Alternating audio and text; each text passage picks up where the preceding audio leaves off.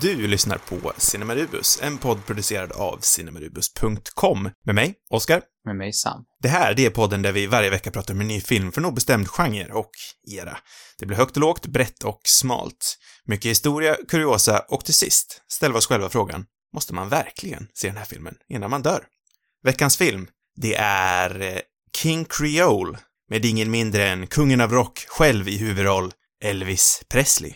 Filmen, den är eh, regisserad av eh, Michael Curtis, som det tydligen uttalas, och inte Michael Curtis, som jag skulle anta att det uttalades. Den kom ut den 27 oktober 1958 i Sverige. Ja, kan inte du berätta för mig, vad handlar egentligen den här filmen om? Självklart kan jag förklara för dig vad den här filmen handlar om. I've stacked chairs and bottles and swept the floor up of every joint on Bourbon Street. It's gotten so I look longer at a dame with clothes on than one without. I'm not a hoodlum. But I am a hustler. I've had to be for a very simple reason. Now he crowns his meteoric rise to fame with a fiery burst of dramatic power as hard loving, hard hitting Danny Fisher, who sang his way up from the gutters of lusty, brawling New Orleans. You know it's gone, gone, gone. If they can King Creole. King Creole handlar om eh, den unge Danny, Danny Fisher, som eh, bor i den, eh, en av de coolaste städerna i hela världen, New Orleans. Eh, han eh, lever ett enkelt liv, pluggar på dagarna, jobbar på morgnarna som en busboy. En servitör har de skrivit här på Svensk Filmdatabas. Jag vet inte om det blir, blir riktigt samma sak. Men han eh, plockar undan disk och han, han diskar kanske också. Vi får aldrig se han diska. Men han plockar undan disken i alla Är fall. det det som är en busboy alltså? Mm. Man tänker att det är en busspojke, Ja, det kan man tro. men det är det inte. Han kommer i alla fall in tidigt på morgnarna, precis när allihopa har lämnat. Men en morgon, då är det två gäster kvar. Där så eh, träffar han en, eh, en kvinna som också råkar vara kvinnan till ägaren av den här baren. En otrevlig eh, kis spelad av Walter Matthau som också är någon slags eh, lokal, nästintill småskalig maffiaboss. Mm. Eh, jag vet inte om man kan säga maffiaboss riktigt, men han, eh, han har ett finger i allting som händer eh, i New Orleans eh, runt den här tiden i alla fall. Mycket händer. Elvis, han blir kuggad från skolan och tvingas istället att försörja sig på sin på sina dansande höfter och eh, sockersöta röst. på en annan bar. Har vi det där. Mycket händer. Ja, jo, men det är väl typ handlingen. Ja, egentligen, han har väl kuggat även året innan, kanske vi kan tillägga. Exakt. Han kuggar en gång till. Det är en, eh, en grabb som eh, ofta misstolkas vara en, en hoodlum, som de uttalar det. Mm. Jag har alltid uttalat det hoodlum, men här säger de en hoodlum. Hoodlum. Vad Hoodlum. betyder det egentligen? En buse? Ja, det är ju en rackare. Det är en otrevlig typ. En Rackartyger? sattyg hittar han på, men det är han inte riktigt. För Nej. anledningen varför han inte har fokuserat så mycket i skolan är ju, som sagt, för att han eh, jobbar på nätterna slash månaderna för att försörja sin familj. Mm. De har ju rätt, eh, de har rätt illa ställt eftersom eh, modern dog och fadern lyckas aldrig riktigt återhämta sig och har inte riktigt lyckats få tag på något fast jobb efter det heller. Så Danny jobbar för att försörja sig själv, sin syster och sin far. Är det likt den Elvis verkliga uppväxt? Ja, det är det som är lite intressant, för det är ju slående likt eh, den verkliga Elvis eh, liv, måste man väl ändå säga. Eller ja, inte att någon förälder dog väl? Eller ja, senare dog i och för sig hans... Eller senare, hans Eh, mamma dog hyfsat Ja, ja alltså, döden var väl i alla fall närvarande, för det är ju intressant att eh, Elvis hade ju en tvillingbror som dog eh, i tidigt skede under livet. Mhm, just det. Men de levde också under extrem fattigdom. Fadern där tror jag väl också blev någorlunda liksom tagen av det här och lyckades aldrig riktigt återhämta sig. De sa att han lost his spirit i en dokumentär som jag såg. Just det. Eh, Så mamman där fick ju istället jobba hårt för att försörja familjen. Eh, Men det är liknande situation ändå. Ja, han känns som att han föddes i en ganska fattig situation i alla fall. Jag undrar också hur det var, för den här filmen är baserad på en bok som heter A Stone for Danny Fisher. Mm. Som egentligen, eh, filmen var ju från början skriven åt, eh, eller med åtanke att ha eh, James Dean i huvudroll. Ah, okej. Men han dog ju 1955 eh, och då fick de ju helt enkelt ändra planerna och till slut så blev ju El- Elvis även en filmstjärna och då fick de han i åtanke som huvudroll och skrev om den lite grann för eh, boken och när den var skriven åt James Dean, då var ju planen att han, att eh, Danny Fisher var en boxare som bodde i New York. Ah, vad intressant, för det känns så här James Dean som den här gitarrspelande, ja, det kan man kanske säkert se, men, men inte kanske i den här, det här att eh, Elvis som artist har ju ganska mycket över ändå på något sätt i filmen. Ja men verkligen, jag tänkte mycket på det där också. Hur fan, alltså jag hade inte alls kunnat sett jag är inte en expert på James Dean, men jag ser inte riktigt James Dean gå upp på en scen och rocka loss. Men det hade han säkert kunnat gjort. Ja. Man ser inte honom som boxar loss heller. Han, av Nej, det lilla jag har sett så känns han så vek. Skrikig. Lättviktare kanske? Är Ja. inte det en boxningsterm? ja, det är möjligt. Eh, nej, men så då skrev de helt enkelt om den för att passa Elvis lite bättre. Dels eh, med att placera den i sydstatsmiljö, som Mm. New Orleans ändå är, och eh, att ändra yrket till sångare och artist, som Elvis då verkligen var. Det är kanske det mest sofistikerade sydstatsstället på något sätt. Jag tänker också det lite grann, även fast eh, Mardi Gras till exempel är kanske inte riktigt sofistikerat. Men det är ju, eh, som jag sa förra veckan, det är just New Orleans som fick mig att eh, vilja se den här filmen. Jag har ju totalt snöat in mig på eh, New Orleans miljö på sistone.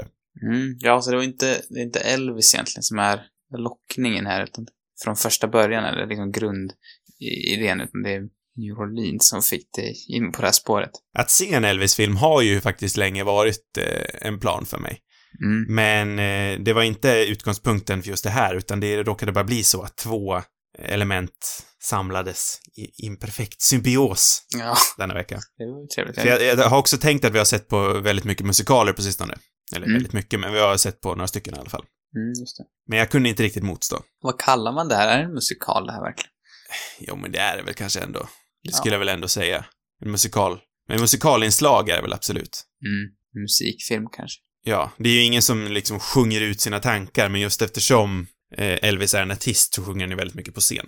Ja. Jag trodde dock att det, när filmen öppnar med det här eh, crawfish-saken, Mm. när de av någon anledning gormar ut att de har gumbo och, och kräftor eh, på gatan där, Mm. eh, så tänkte jag att det skulle vara en sån klassisk eh, musikal där man liksom gormar ut vad man känner i sång. Men det blev det inte. Det blev det inte, utan det här var egentligen inte alls riktigt vad jag hade tänkt mig. Jag Nej. gillar ju att gå in i filmen utan att veta vad som kommer hända. Den är ju ganska liksom gritty ändå. Alltså, Mm. och, det- men där kanske kommer in eh, vilken regissör den där. För jag menar, jag menar många andra, han gjorde ju ett helt gäng filmer, Elvis, var det 30-tal? Och Ja, eh, massa filmer i alla fall. de känns ju ganska glättiga på många sätt. Jag vet inte riktigt hur, typ om de, om de är, finns de andra som är mer rena musikaler eller om det är mer den här stilen liksom. Men de, de jag tänker på liksom först är ju ganska färggranna, ser ganska löjliga ut. Typ där Blue Hawaii eller Viva Las Vegas, de här lite mer, Precis. ännu mer klassiska kanske. De filmerna blev väl mer liksom, de filmerna är gjorda för att sälja album. Ja, alltså det, det är också intressant för det har jag också funderat över hur egentligen, för många av de här av Elvis absolut mest klassiska låtar, de är ju kopplade till filmerna. Eh, och Mm. de, de skrevs ju till filmerna. Ja, för det var ju en period när Elvis inte eh, uppträdde live. Nej, precis. Eh, Det gjorde han ju fortfarande vid tiden den här filmen kom ut, för den här är ju rätt tidigt ändå i hans kändisskap. Men ju längre åren gick så, jag vet inte riktigt varför han valde att inte uppträda live, men under en, en lång period på tio år så gjorde han inte ett enda liveuppträdande. Det vände Och då väl, blev liksom, det vände Ja, det- väl typ, det vände, eh, tror jag, efter 58 så blev man ju inkallad för militärtjänstgöring. exakt. Eh, och eh, det var väl efter då, eh, och det var också under, den, under det året som hans mamma dog. Eh, jag tror det var efter det som han inte gjorde några eh, liksom live-framträdanden på ganska lång tid. Och det var då han liksom kom in i den här film... Det var i och för sig efter den här filmen då, men, men eller precis efter va? Han hade väl någon sorts kontrakt också att göra massa filmer. Mm. Och eh, han blev väl till slut fri från, från dem till 69 och det jag fick lite känslan av att, att han, ja, jag vet inte, att det kanske var därför att han inte, att han gärna hade velat, för då började han ju spela live igen. Att han kanske Mm. var lite fast i filmbranschen nästan. För man kan ju tänka sig att de här filmerna drog enorma pengar, även om ganska många av dem anses rätt dåliga liksom. Så drog de mycket publik säkert. Han hade ju en, eh, en PR, PR-snubbe slash manager som är ökänd, Colonel, Par Col- Colonel Parker. Mm. Colonel är ett sånt konstigt ord för det stavas kolonel. Ja, just det. Men Colonel Parker. Eh, som ja, många i alla fall anser gjorde alla Elvis beslut. Han var ju den här som styrde trastockan bakom, Mm. bakom kulisserna. Den här klassiska manager-stereotypen, låter det som. Ja, men precis. Som eh, Tom Hanks kommer spela i den kommande långfilmen regisserad av eh, Baz Luhrmann. Mm, just det. Ja, han är ju faktiskt Och- aktuell med en, ännu en biopic. Precis. Också anledningen till varför Tom Hanks fick corona. Så indirekt kan man säga att Elvis är anledningen till varför Tom Hanks nästan dog. Oh. Fy fan. Men just det, den är Clickbait. inspelad också i Australien, va? Ja, precis. Ja. Jag gick igenom rollistan och det är ju till stor del bara australiensiska skådespelare. Det är väldigt speciellt. Mm. Det Bess Luhrmann är väl australiensare själv? Ja, det är han. Är det samma sak? Är, är det också fallet med, eh, vad heter den? Den här klassiska. Moulin Rouge. Nej, det- det är också intressant om den utspelar sig, eller inspelad i Australien, men jag tänkte på Di- DiCaprio-filmen. Nej, Australien, den hoppas jag är inspelad i Australien. Rom Romeo plus Julia. Nej! Nej, eh, ja, nu vet jag vilken du menar. Eh, Det står helt still. ja, den här med, med DiCaprio, Tobey Maguire och Carey Mulligan. Ja, exakt. Eh, Great Gatsby. Ja, exakt. Ja. Eh, den är säkert inspelad i Australien, Tror du det? utan att veta säkert. Det tror jag. Gör han alla sina filmer i Australien? Inte en aning. Jag chansar hejvilt, men det tror jag. Har han Han gjort den här serien också, Netflix-serien, The Get Down? Gjorde han den också? Den kan han inte ha gjort i Australien. Den, det, jag vet, jag chansar hejvilt. Buzz Luhrmann är en sån där regissör som jag inte vet varför han har så mycket framgång. The Get Down säger du tydligen är bra. Ja, alltså... Jo, delvis bra. Ja, Jag, tror, jag kan ändå se varför han har nått framgång. Han har ju... Han... eh, Han har ju... Han, jag tycker ändå att han har någonting. Jag har ju inte sett så många, mycket av han, vad han gjort, men han känns ganska vågad. Eller han har en väldigt egen stil. Han är... Och han har har liksom... han, absolut. Han är, han är inte rädd för att spendera pengar på så här ganska galna grejer. Typ. Nej, och det kan man ju ändå uppskatta, så det har du rätt i, men jag tycker inte han är bra. Eller han är ju en stilist, som du säger. Så Mm. det är han ju bra på, men jag tycker inte han gör så spännande stories. Nej, jag har knappt sett någon film faktiskt. Jag tycker inte att han är så bra storyteller. Nej, det är möjligt. Ja, ja, vi kanske inte ska fastna för, mycket på honom, men det är intressant att det görs en, en film i alla fall om Elvis. Det fanns ju också en, det gjordes en film av, eh, eh, Carpenter. ja exakt, det är också väldigt roligt att John Carpenter gjorde en film om Elvis redan Mm. 79 med, eh, med, fan vad det, det, det är inga, Kurt Russell. inga namn, vilka jag kommer ihåg. Jag har dem i huvudet. Kurt Russell. Mm. Ja, men det är bra. Kurt Russell. Inte Väldigt någon, olika Elvis, tycker jag själv. Ja, ingen perfekt casting. Nej. Men det är som att Michael Shannon också spelade Elvis i en film. Ja, ah, vänta, vad är det för film? Det känns Eh, bara ja, vad fan hette den? Det var ju med Kevin Spacey, han som man inte ska nämna något mer, som spelade Nick Nixon och Elvis eller något sånt där. Elvis och Nixon. Någonting så hette den. Det känns som en bortglömd. Ja, det var en sån där som gick lite under radarn, men de som såg den tyckte den var väldigt bra om jag minns rätt. Undrar om den kanske inte kom ut där i svängarna när, när eh, Spacey, när grejerna kring Spacey kom ut. Jaha, att den liksom... Nej, jag vet inte, det var kanske innan. då. Jag ska inte säga något. Nu, jag chansar sig, men jag är helt ogrundade chansningar den här veckan. Jag tycker ändå om Jag det. killgissar extremt. Jag tycker det är... Det är bra. För jag brukar sällan våga mig på sånt. Jag är nästan... Ibland, jag brukar inte ens våga säga saker jag egentligen vet så här, med säkerhet. Nej. Eh, det, Men jag det, står för mina killgissningar den här veckan. Jag ser att det är utbildade gissningar. Ja, det istället. blir en bra dynamik tycker jag. Jag kan vara den här självsäkra, liksom som bara kör på. Mm. Det gillar vi. Men som sagt, vi går tillbaka. Eh, vart var vi? Någonstans som att eh, Colonel någonting styrde bakom kulisserna. Ja, Och exakt. att det var därför han gjorde väldigt mycket skräp där. Eh, Som sagt, för att han inte gjorde konserter, så då blev det liksom att filmerna i, i sin tur blev konserterna för att promota eh, album. Mm. Det, vilket i och för sig är ett rätt smart affärsdrag, för att en film kan ju väldigt många fler människor se än en, än en, dock, än en eh, konsert. Ja, ja, och filmerna i sig drog väl väldigt mycket pengar. Ja, men också att det här att de eh, pressade ut massa filmer som Elvis kanske inte själv eh, var så engagerad i. Men de här första fyra filmerna han gjorde eh, tyckte han ju själv var väldigt spännande att göra. Och han själv har ju sagt att King Creole är favoritfilmen. Mm, det är så pass. Att det här är den rollen han var mest stolt över och kanske har det också att göra med att den är så pass lik hans egna liv.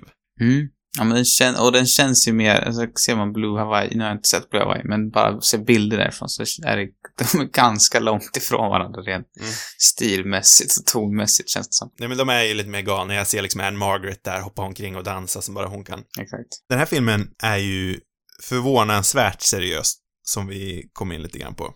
Ja, eller inte förvånansvärt. Med tanke på regissören Nej. då kanske. Ja, just det, det var det vi...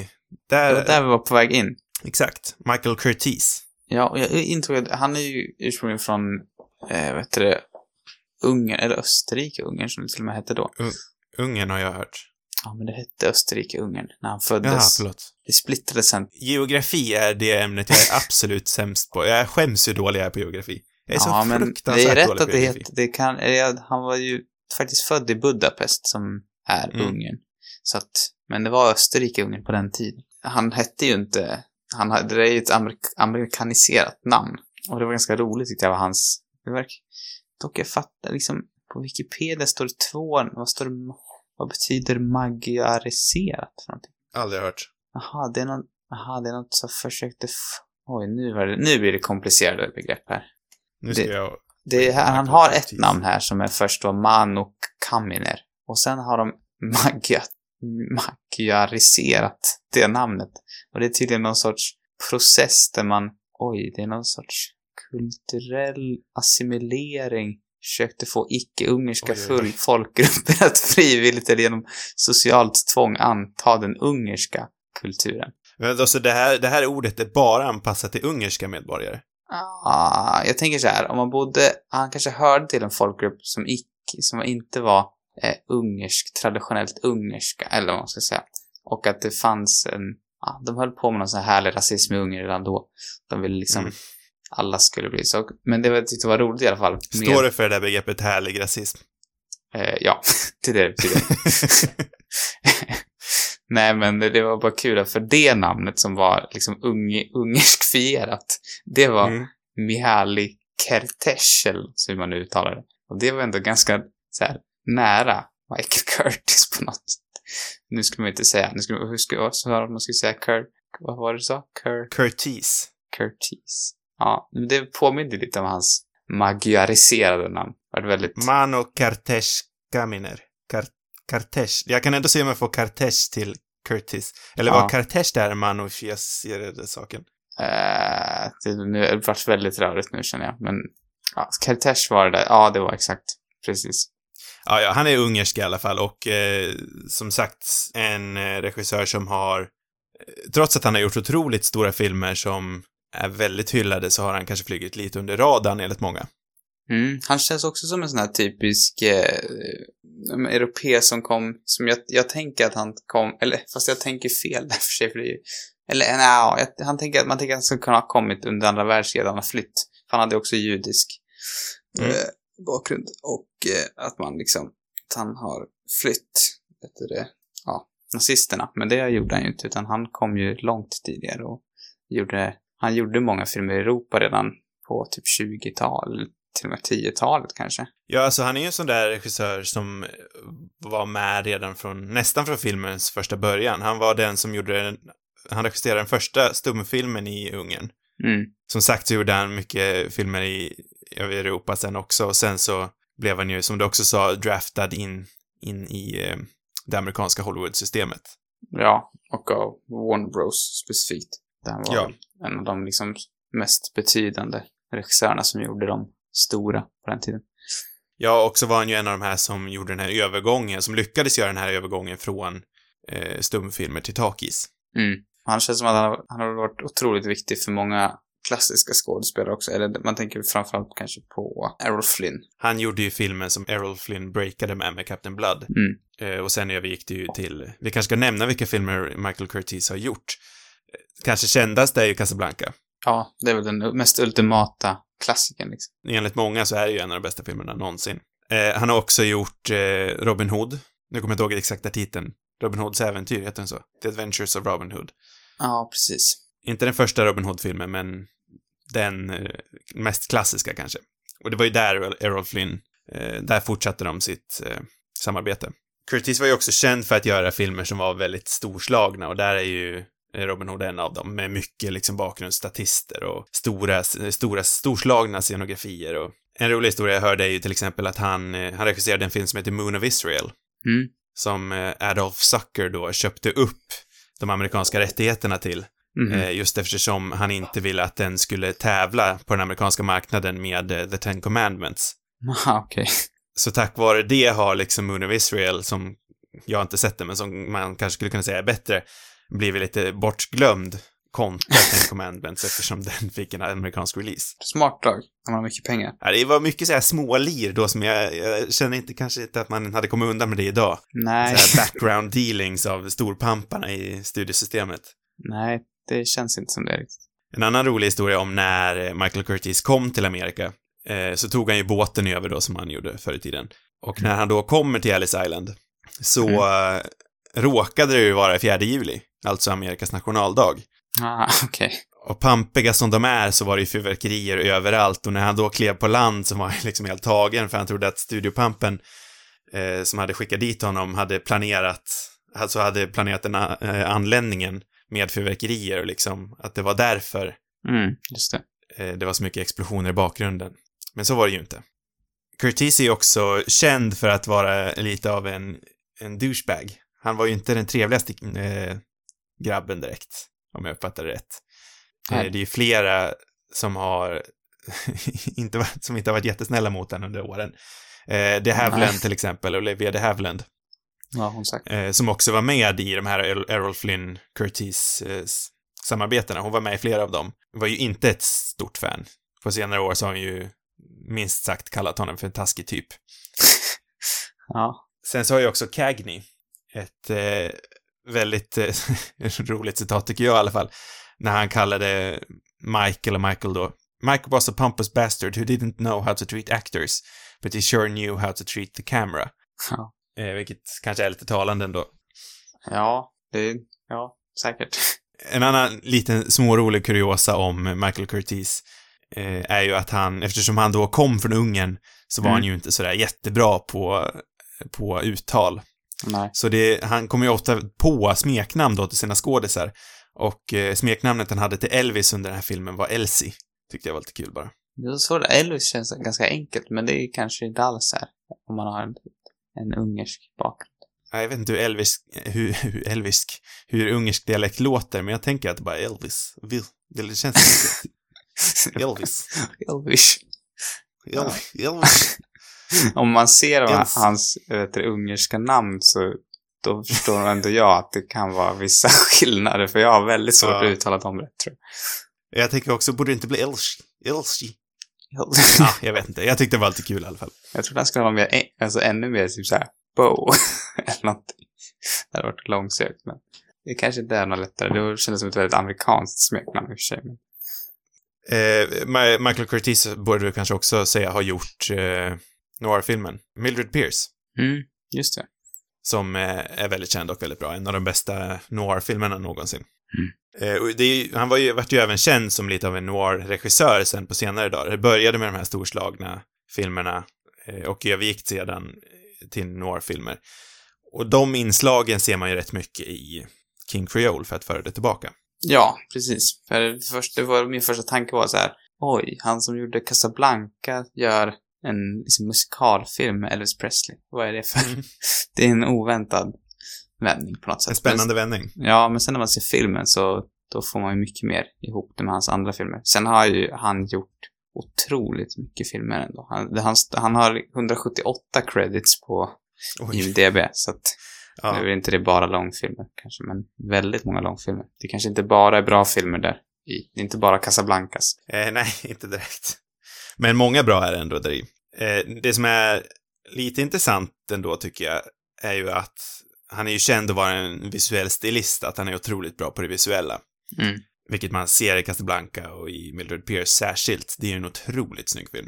Mm. Men jag tycker inte att King Creole är så snygg. Jag tycker den är, det är en rätt ful film om man ska vara ärlig. Den ser lite ut som en tv-film, ett tv-avsnitt. Ja, jo, jag kan väl inst... Ja, den är väl inte jätte... Den känns ganska billig på något sätt. Mm. Sen, den har någon, någonting som är, jag tycker de här framträdandena han gör på den här, eh, ja, på det här stället där han spelar, det är ju, de är väl lite småtrevliga. Mm, ja, alltså, den har väl sina, sina ögonblick, men jag tycker i det stora hela så är inte det visuella någonting jag slås av eh, i, av den här filmen. Nej, du fick inte så mycket New Orleans-känsla kanske. Nej, men faktiskt inte. Jag varit lite besviken. För jag googlade ju som sagt runt och såg vilka är de bästa New Orleans-filmerna. Och det här Mm. var ju en av dem och jag tänkte, ja, som jag sa, allting klickar ju liksom. Det är en känd regissör, det är Elvis Presley, det är New Orleans. Tre Mm. element jag uppskattar. Och sen var det ändå en besvikelse. Nej, men det är, nej, en besvikelse skulle jag inte säga. Så jag tycker ändå att det är, det är en bra film det här. Ja, den är, ja, jag, jag håller med om. Den är oväntad på något Kanske sätt lite också. lång. Ja, lite lång. Definitivt. Generellt så eh, tycker jag att den kanske främst lever på sina framträdanden. Ja, den lever på Elvis på något sätt. Nej, men inte bara på Elvis. Jag tycker de andra skådespelarna också gör ett väldigt bra jobb. Jo, ja, visst, men jag bara, det är ändå, det är ändå hans närvaro som är, känns väldigt central. Jag vet inte vad det hade varit med, med James Dean till exempel. Men jag tycker ändå man får lite James Dean-drag av honom här. Lite James Dean, lite plågad och så lite, eh, lite inslag av Marlon Brando också. Jag, jag ser det ändå. Jo, absolut, men sen har han ju sin sångröst också. Det har ju Ja, inte ja, de. ja. Så att han har ju en till, han har ju ett till snäpp där. Och han har också en pojkaktighet tycker jag som för sig väldigt väl i den här filmen. Ja, han ser väldigt ung ut faktiskt. Han är väl ganska ung också. 23 år gammal är han. Ja, det är också det som är intressant, att han är liksom, är någon sorts, känns väldigt mogen på samma sätt som han känns väldigt ung också. Mm. Det kanske har koppling till hans uppväxt då. Eller ganska, tänker mig, att man växte upp ganska snabbt i, i USA på den tiden. Eller ja, i hela världen egentligen. Ja, men för det har ju ändå gått otroligt snabbt för honom. Jag menar, han var 19 år, Elvis, när han spelade in sitt första album. Mm. Och det var ju då han breakade liksom, så det har ju bara gått fyra år. Han har ju bara varit känd i fyra år och då är ändå det här hans tredje långfilm. Eller är det en fjärde? Jag tror det är hans tredje långfilm. Fjärde, tänkte jag. Ja. Eller fjärde. Någonstans där i alla Ja. fall. Han har ju hunnit göra ett antal långfilmer, han har ju gjort ett antal album, han har turnerat, alltså han är ju känd vid det här laget. Mm. Så det är ju inte så långt ifrån ändå det han spelar kontra det som har hänt i verkligheten. Så jag kan ändå se att det, att det har liksom hit close to home. Jo, visst är det så. För jag tycker att början av den här filmen, när han liksom spelar den här, den här oskyldigheten lite mer, det är där jag tycker han är som allra bäst. Mm. Och sen när han ska vara den här lite mera, jag vet inte, vad är han sen för någonting? Mer plåg, eller liksom, ska mogna Ja, där när det här kanske. plågade James Dean-aktiga kommer in, det är väl då det inte klickar lika bra tycker jag. Nej. Eh, Men det, det finns ju också visst element i den här filmen som jag tycker fungerar absolut allra sämst. Och det är ju två scener på rak egentligen som jag inte alls förstår mig på. Och det är när han helt plötsligt eh, ska börja flirta lite. Vet du vad jag menar då? Först när han eh, ska lura in eh, Dolores Harts Nelly i ett hotellrum.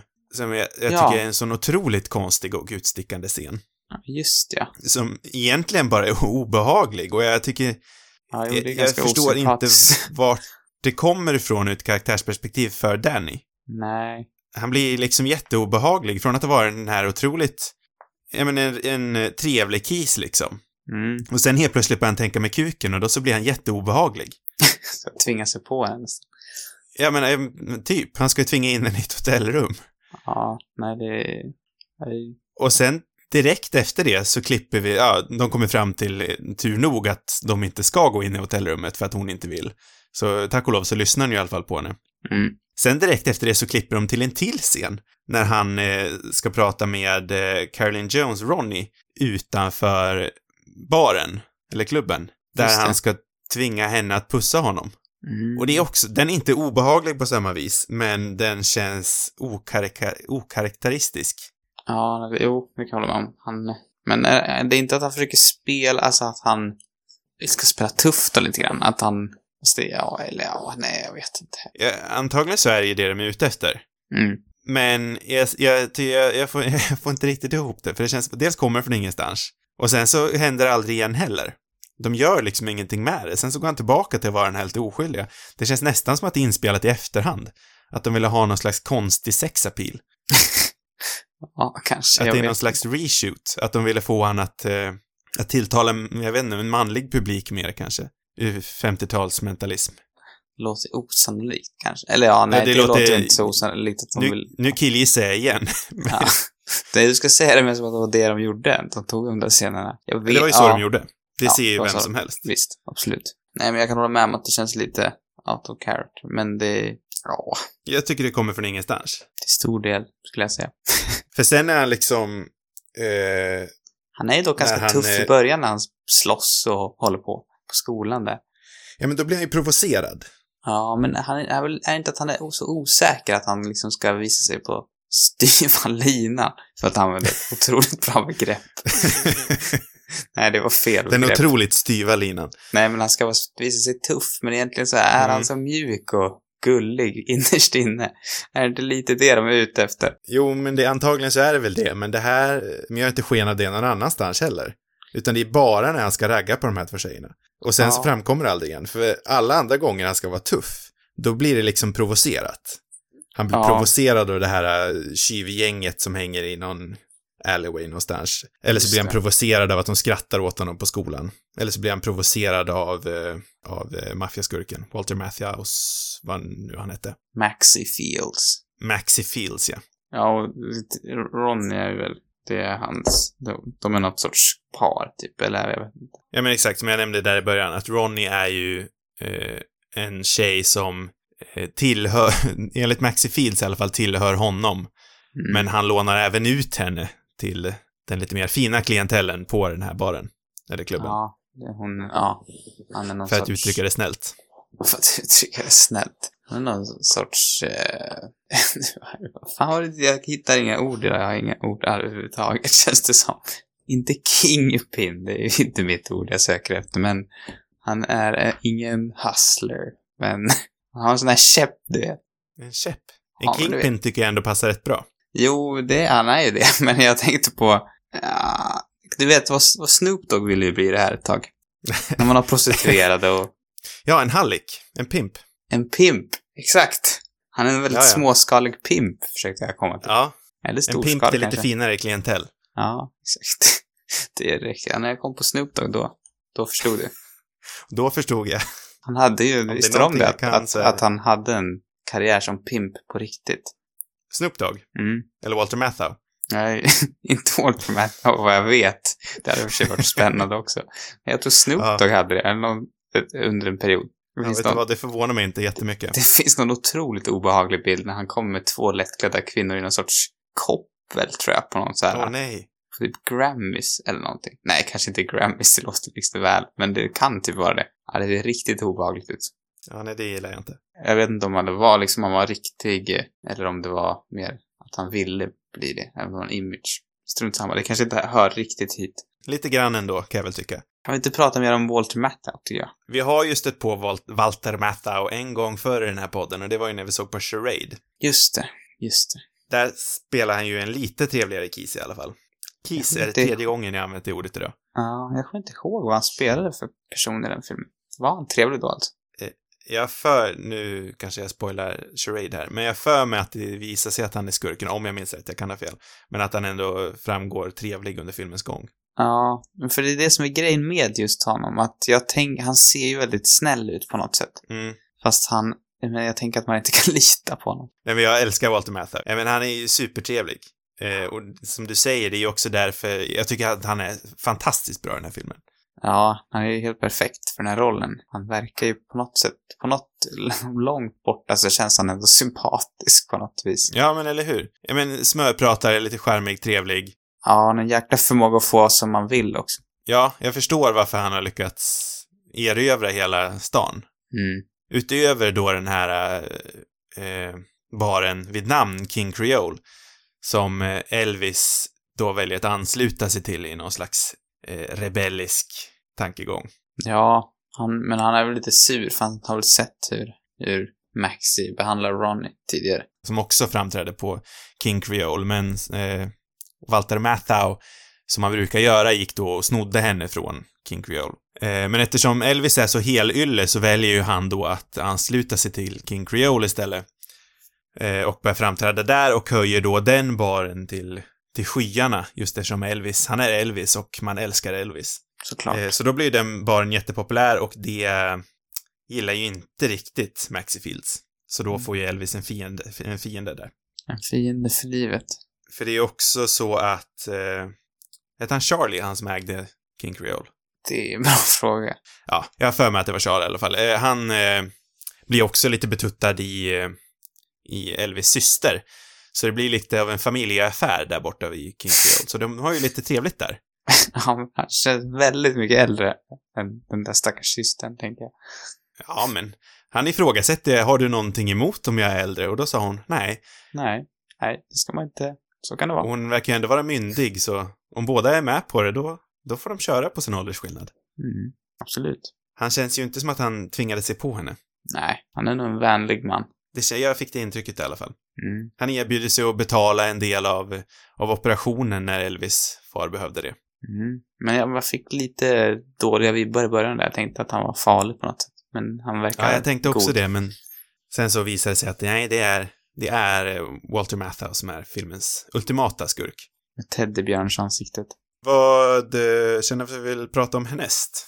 Du har ju kläckt här innan en otroligt eh, intressant, eh, eh, ja, sak som jag, jag vill hö höra mer om känner jag. Du sa någonting om att det var Ja, någon som det. blev, sa du nunna? Det vill jag gärna att du tar upp någon gång. Då går vi in på det.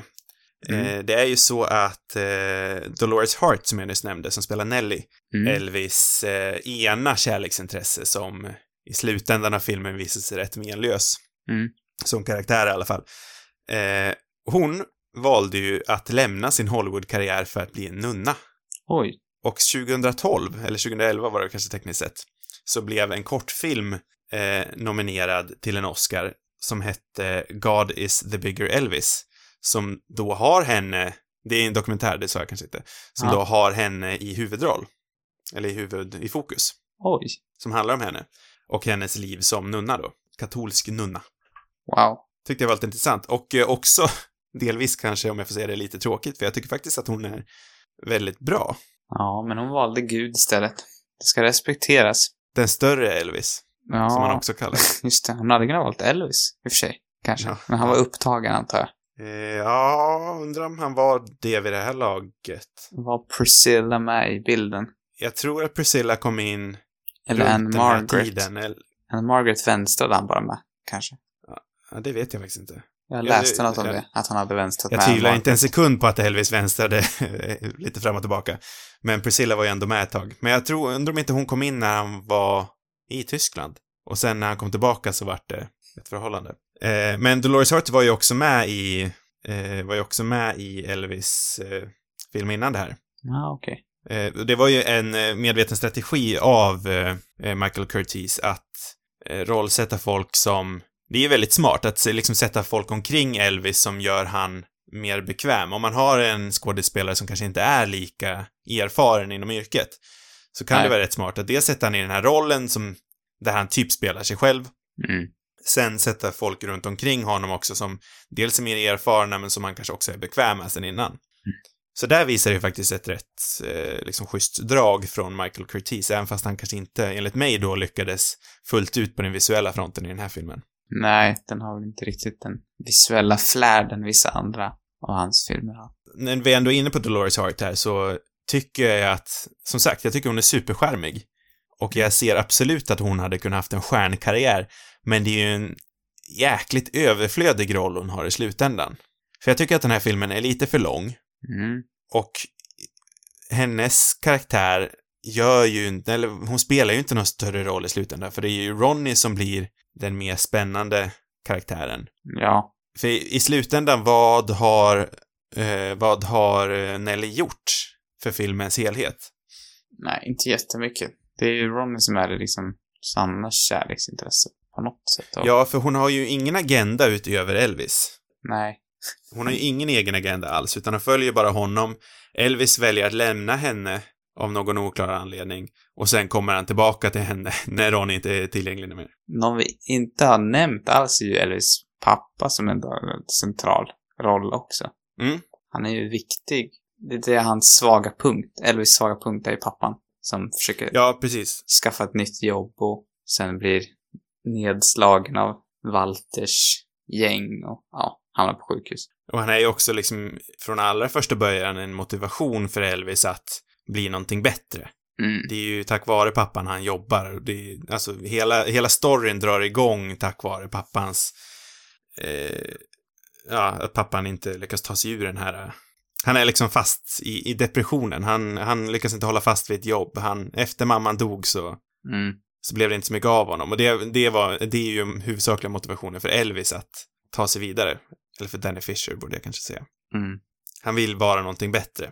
Han vill inte vara den här som jobbar, som är liksom 50 bast, börjar på ett nytt jobb och blir utskälld konstant. Nej, exakt. Han har någon slags mindervärdeskomplex, skulle man kunna säga. Ja, det kan man säga. Eh, musiken har vi ju inte riktigt pratat om och det är väl ändå centralt när vi snackar om Elvis. Vi har ju nämnt det lite grann. Ja, det är ju bra musik. Det kan man inte komma undan. Det är ju väldigt bra musik. Eh, och som sagt är det ju alltid också scenframträdanden. Så Mm. gott som i alla fall. Det enda störiga med de här scenframträdandena, eller det är väl en petitess, men jag, det är så underligt att han inte har en mick, tycker jag. Ja. Att, det- varför liksom? Det, hade varit annars om det var en vanlig musikal, men här står han ju på en scen framför en publik, men han har ingen mick. Han har en Och jävla jag tycker- stämma. Jag Kanske. hade också skrivit i mina kommentarer här att jag tycker den största chocken med den här filmen är ju att Elvis är så pass bra skådespelare men så dålig mimare. Mm. För jag Jo. tycker inte riktigt att det framkommer att han, när han tar i, i sången liksom, ser det inte ut som att han tar i i verkligheten. Men sen när jag kollar på Elvis-framträdanden så ser jag lite samma sak. när han tar i så, tar, så ser det inte ut som att han tar i. Och jag vet inte då om det bara innebär att Elvis har så otroligt starka lungor. Han kanske var skicklig på det där. Sen så är han rätt dålig mimare också, men han är inte så dålig mimare som jag först trodde. Nej, den är väldigt uppenbart att det är förinspelat. Alla musikalnummer. Det är synd. Det håller om. Det är det. Men det är ju ändå svängiga låtar. King Creole är ju en hit. Mm, jo, verkligen. Det är många bra. Det är ju den här sista låten eh, i filmen. Han står där på den här scenen. Eh, oj, det är dålig referens. Han står på den där scenen. Men det är själva slutscenen liksom. Ja. Vad är det den heter någonting? As long as I have you, don't ask me why. Ja, As long as I have you. Den. Det var en riktigt härlig ballad, tycker jag. Mm. Och en absolut. gripande slutscen. Jag tycker också att eh, eh, hans första framträdande, när han liksom blir upptvingad på scenen av Maxie Fields, när han Mm. sjunger Trouble. Ett, ett exempel på dålig mimning. Men eh, starkt framträdande också. Han, han Mm. har ju en jävla närvaro på scen, Elvis. Ja, definitivt. Jag tycker också att det är lite kul, för i Sverige så bröt vi liksom sexvallen där på 60-talet. Men i eh, USA så vart det ju, kan man säga att Elvis nästan bröt höftvallen och det blev en kontroversiell aspekt. Det var, alltså, det var ju fruktansvärt hur Elvis rörde på sina höfter. Det var Mhm. ingenting barnen fick se på Aha, just det. Aj då. Det var så. i den eh, konservativa södern. Aj, Annars känns han ju väldigt så här äh, södern-kompatibel. Fast det är väl senare kanske han blir poppis. Ja, För det är ju också det, i den här dokumentären jag såg på så är, är ju det en rolig aspekt de tar upp, att han djupt religi- han var ju en djupt religiös människa som liksom höll sig, gillade gospel och det här liksom musiken. Mm. Men sen så den stora paradoxen i hans eh, scenpersona är ju det att han liksom hoppar upp och juckar på höfterna och blir den stora sexguden. Just För det. det finns ju något jättekänt framträdande där han eh, framträdde eh, på Nationwide TV och skakade höfterna och det vart ju ett jävla ramaskri. Lite samma sak såg man ju senare med eh, The Beatles bara några år efter. Det är tur att inte de har sett det här liksom senaste, om det var MTV med typ Cardi B och Ja. Nicki Minaj eller vem det var. Det kanske inte var Nicki Minaj, men strunt samma. Det hade varit kul om det Eller att hade de- visats då. Eller att man inte bodde i Sverige där vi bara några år senare liksom bröt sexfallen totalt med, med Jag är nyfiken och... Men det kanske inte Ja. var på liksom bästa sändningstid. Nej, det var det väl kanske inte heller. Men ett jävla ramaskri hade det nog blivit. Han hade väl också just musikmässigt att, att Elvis liksom gjorde, ja, måste man säga, svart musik, alltså rocken och, och, och så vidare, Mm. populär på något sätt. Och man, många som menar också menar att han liksom har utnyttjat nästan, men andra menar att det var han som liksom öppnade upp också för svarta artister och så vidare. Idag så, så blir det ju någonstans problematiskt. Det var det ju såklart då också, men det är väl liksom hela grejen att i, i svarta samhällen så såg man väl kanske ner på det, men i, i, eh, i den vita medien då som var, som var normen så såg man väl inte alls på det som en problematik. Ja, men då kanske man såg det problematik att det var, att det var svart musik. Typ. Men jag vet inte hur, hur riktigt hur man ser på Elvis heller. Alltså jag vet inte riktigt vad han har för bild idag. Inte riktigt säker heller på om man har respekt eller om man inte har Alltså man ser som om man, att han har utnyttjat eller om han har liksom, det är nog olika vem man frågar tror jag. Han skrev ju aldrig sina egna låtar, utan han tog ju, han gjorde ju covers på andra låtar oftast, i alla fall i början. Och Mm. då ofta svart musik. Mm. Eh, men han gjorde det också till någonting eget. Han, eh, han gjorde ju inte, han härmade ju inte om man säger så, utan han, han tog texten och så sjöng han det på ett annat vis. Så på ett sätt så skulle man kunna säga att Elvis, han skapar ju någonting nytt. Alltså han var ju en trailblazer. Mm. För han tog ju också in, han använde liksom soul-element, men han tog ju också in country-element och han blandade ju massa olika stilar i sin musik. Mm. Eh, men det får man ju tycka vad man vill. Alltså Elvis var problematisk i flera aspekter. Ja, säkert. Eh, inte bara de aspekterna, men också sexuella aspekter som jag inte har stenkoll på. Han var väl med någon mindreårig, eller? Var Priscilla mindreårig när de var ihop? Var det så? Oj, jag, det där jag, jag har inte alls läst någonting om faktiskt. Nej, men, Men- oavsett, Elvis var problematisk i flera... Han känns ju, han ser väldigt mycket ut som en snusgubbe på sina senare dagar. Det är väl den, det enda jag vet. ja. Jag Nej, men han det. knarkade ju en hel del också och, och så vidare. Men alltså, det jag- behöver man jag- inte vara en våldtäktsman för. Det, Det jag behöver man inte vara flika våldtäktsman för, men det kan anses problematiskt. Ja, just det. Eh, men alltså, bortser man från personen Elvis Presley, alltså hans... Jag gillar personan, jag gillar musiken. Mm. Han är ju en jävla, han, alltså han är bra på att framträda. Han har ju en, en jävla, ett jävlar anamma på scen. Det finns ju i alla fall få personer som är så tydliga symboler som Elvis. Ja, nej, alltså jag, jag tycker han är Ja. superbra. Man, man förstår ju ändå, han är ju liksom, han är så mycket det 50-talets Amerika, men han var också så, han var också så vågad liksom, på samma gång. Jag, jag fattar ju varför han har namnet Kungen av Mm. Rock. Men sen, alltså, sen var det ju, ja men typ Little Richard och liknande artister hade väl rocklåtar innan. Men Elvis kom ju som sagt in och förde in i Ja. mainstream. Kanske stod det till den vita publiken. Liksom. Ja. Eh, som sagt, så, alltså den här filmen är ju bra tycker jag ändå, men den är för lång, vilket jag också har nämnt. Eh, och nu kommer vi in lite på spoilers. Jag känner väl inte att det här är den filmen som har världens Nej. Eh, den lever och dör inte på spoilers, men om ni inte vill lyssna så hoppa fram någon minut. Om vi ska fortsätta kritisera hur filmen behandlar eh, kvinnliga karaktärerna, så när Ronny, eh, Ronny och Elvis flyr ju från Maxi, Mm. och Ronny flyr någon minut innan, försvinner, sen så går Elvis och har någon slags knivfight med han vars namn jag inte kommer ihåg. Mm. Och sen så kommer Ronny tillbaka som en sån här Deus Ex Machina som det heter. Hon kommer och räddar dagen från ingenstans Just det. i sin bil och hämtar upp Elvis efter knivfighten är slut. Mm. Jag tycker det är rätt oinspirerat. Hade det inte varit mer intressant om Dolores, om de lyckades skriva in, in Dolores med i den här flykten konstant? Men Dolores, Nej, eh, eh, Ronny menar jag. ja, det känns slappt. Det känns, det är så löjligt också när han kommer springandes på den här eh, bryggan och skjuter. Ja, nej, slutet är jättetamt. Tamt slut. Förutom Supertamt sista musiknumret, ja, det är bra tycker jag. Det är bra. Ja, men då kommer jag tillbaka till, till New New Orleans. Ja. Nej, men de skulle, de skulle kunna skriva bort Nelly. Alltså, karaktären Nelly. Och de Mm. hade Skriv bort Nelly, skriv in Ronny lite och så tajta till slutet. ja, kapat en halvtimme så hade det varit smort. Eller åtminstone 20 minuter. Jag håller med dig. Sam, nu känner vi oss klara. Ja, nu känner vi oss klara. Vi hade inga besläktade rekommendationer den här veckan. Jo, det har jag faktiskt. Ja, du har det? sig. Ja, du vill slänga, Ja. slänga in den nu då? Det är ju... Jag kastar in dem nu. Ja, låt mig höra.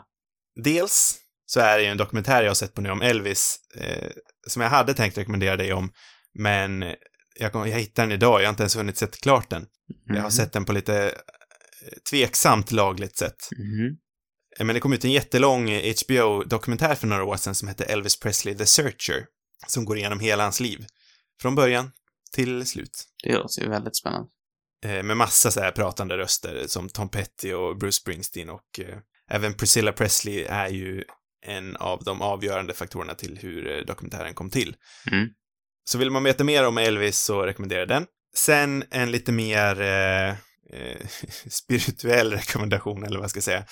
Eh, på tal om roliga New Orleans-filmer så vill jag ju rekommendera en av de mest underskattade Disney-tecknade filmerna och det är ju Prinsessan och Grodan. Som är väldigt New Orleansig, mer än vad den här är. utspelar sig i träsk och... Ja, det kan man tänka sig den är. Har den några, har den några bra låtar? Eh, ja, den har någon... Jo, men den har några bra låtar. Mhm. Ingen jag kan sjunga så här på rak arm, men de är, de är bra. Vad är det för... Och en underskattad film. är, känns de också New Orleans-låtarna i den? Ja, det gör de. Mm. Det är lite såhär bluegrass-aktigt. Mycket banjo och det låter intressant.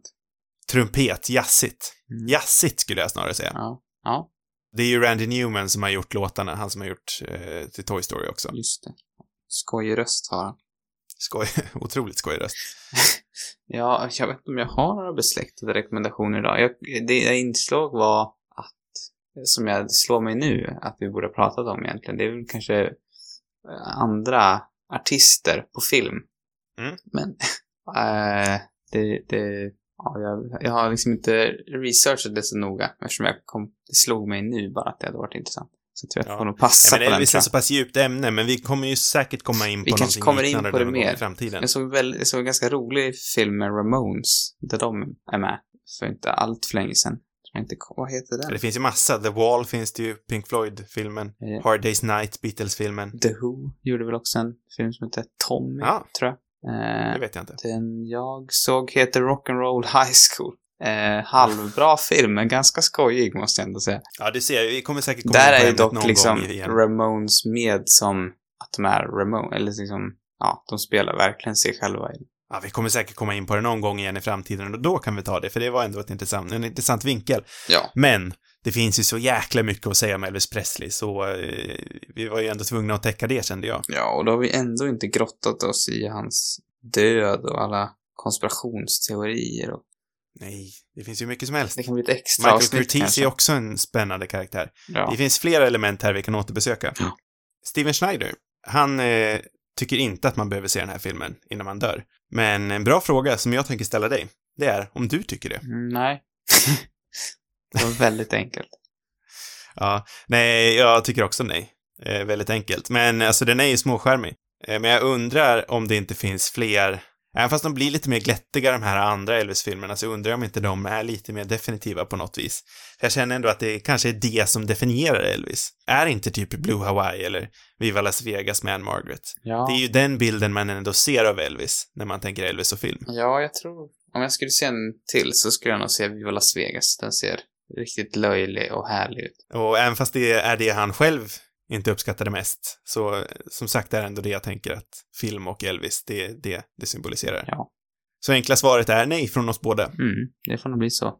Nästa vecka, Sam, Ja, har du kommit på en film vi ska se då? då ska vi kika på Smooth Talk från 85. Regisserad av Joyce Chopra eh, med Lord Dern. Väldigt spännande val, känns lite som en doldis. Ja, lite dåligt tror jag. Vad var hade inte du hittat den svenska titeln också som du var väldigt glad över? Ja, vad var det det var nu då? Den har ju en fan, ett fantastiskt svenskt namn. Stilla försmäkta. Underbar titel. Jag vet inte, vad betyder det ens för någonting?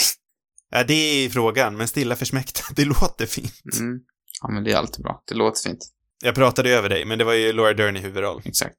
Jag är van. Och så även mannen med ett av Hollywoods allra bästa namn, Treat Williams. Mm. Eh, så pass på att se på den till nästa vecka.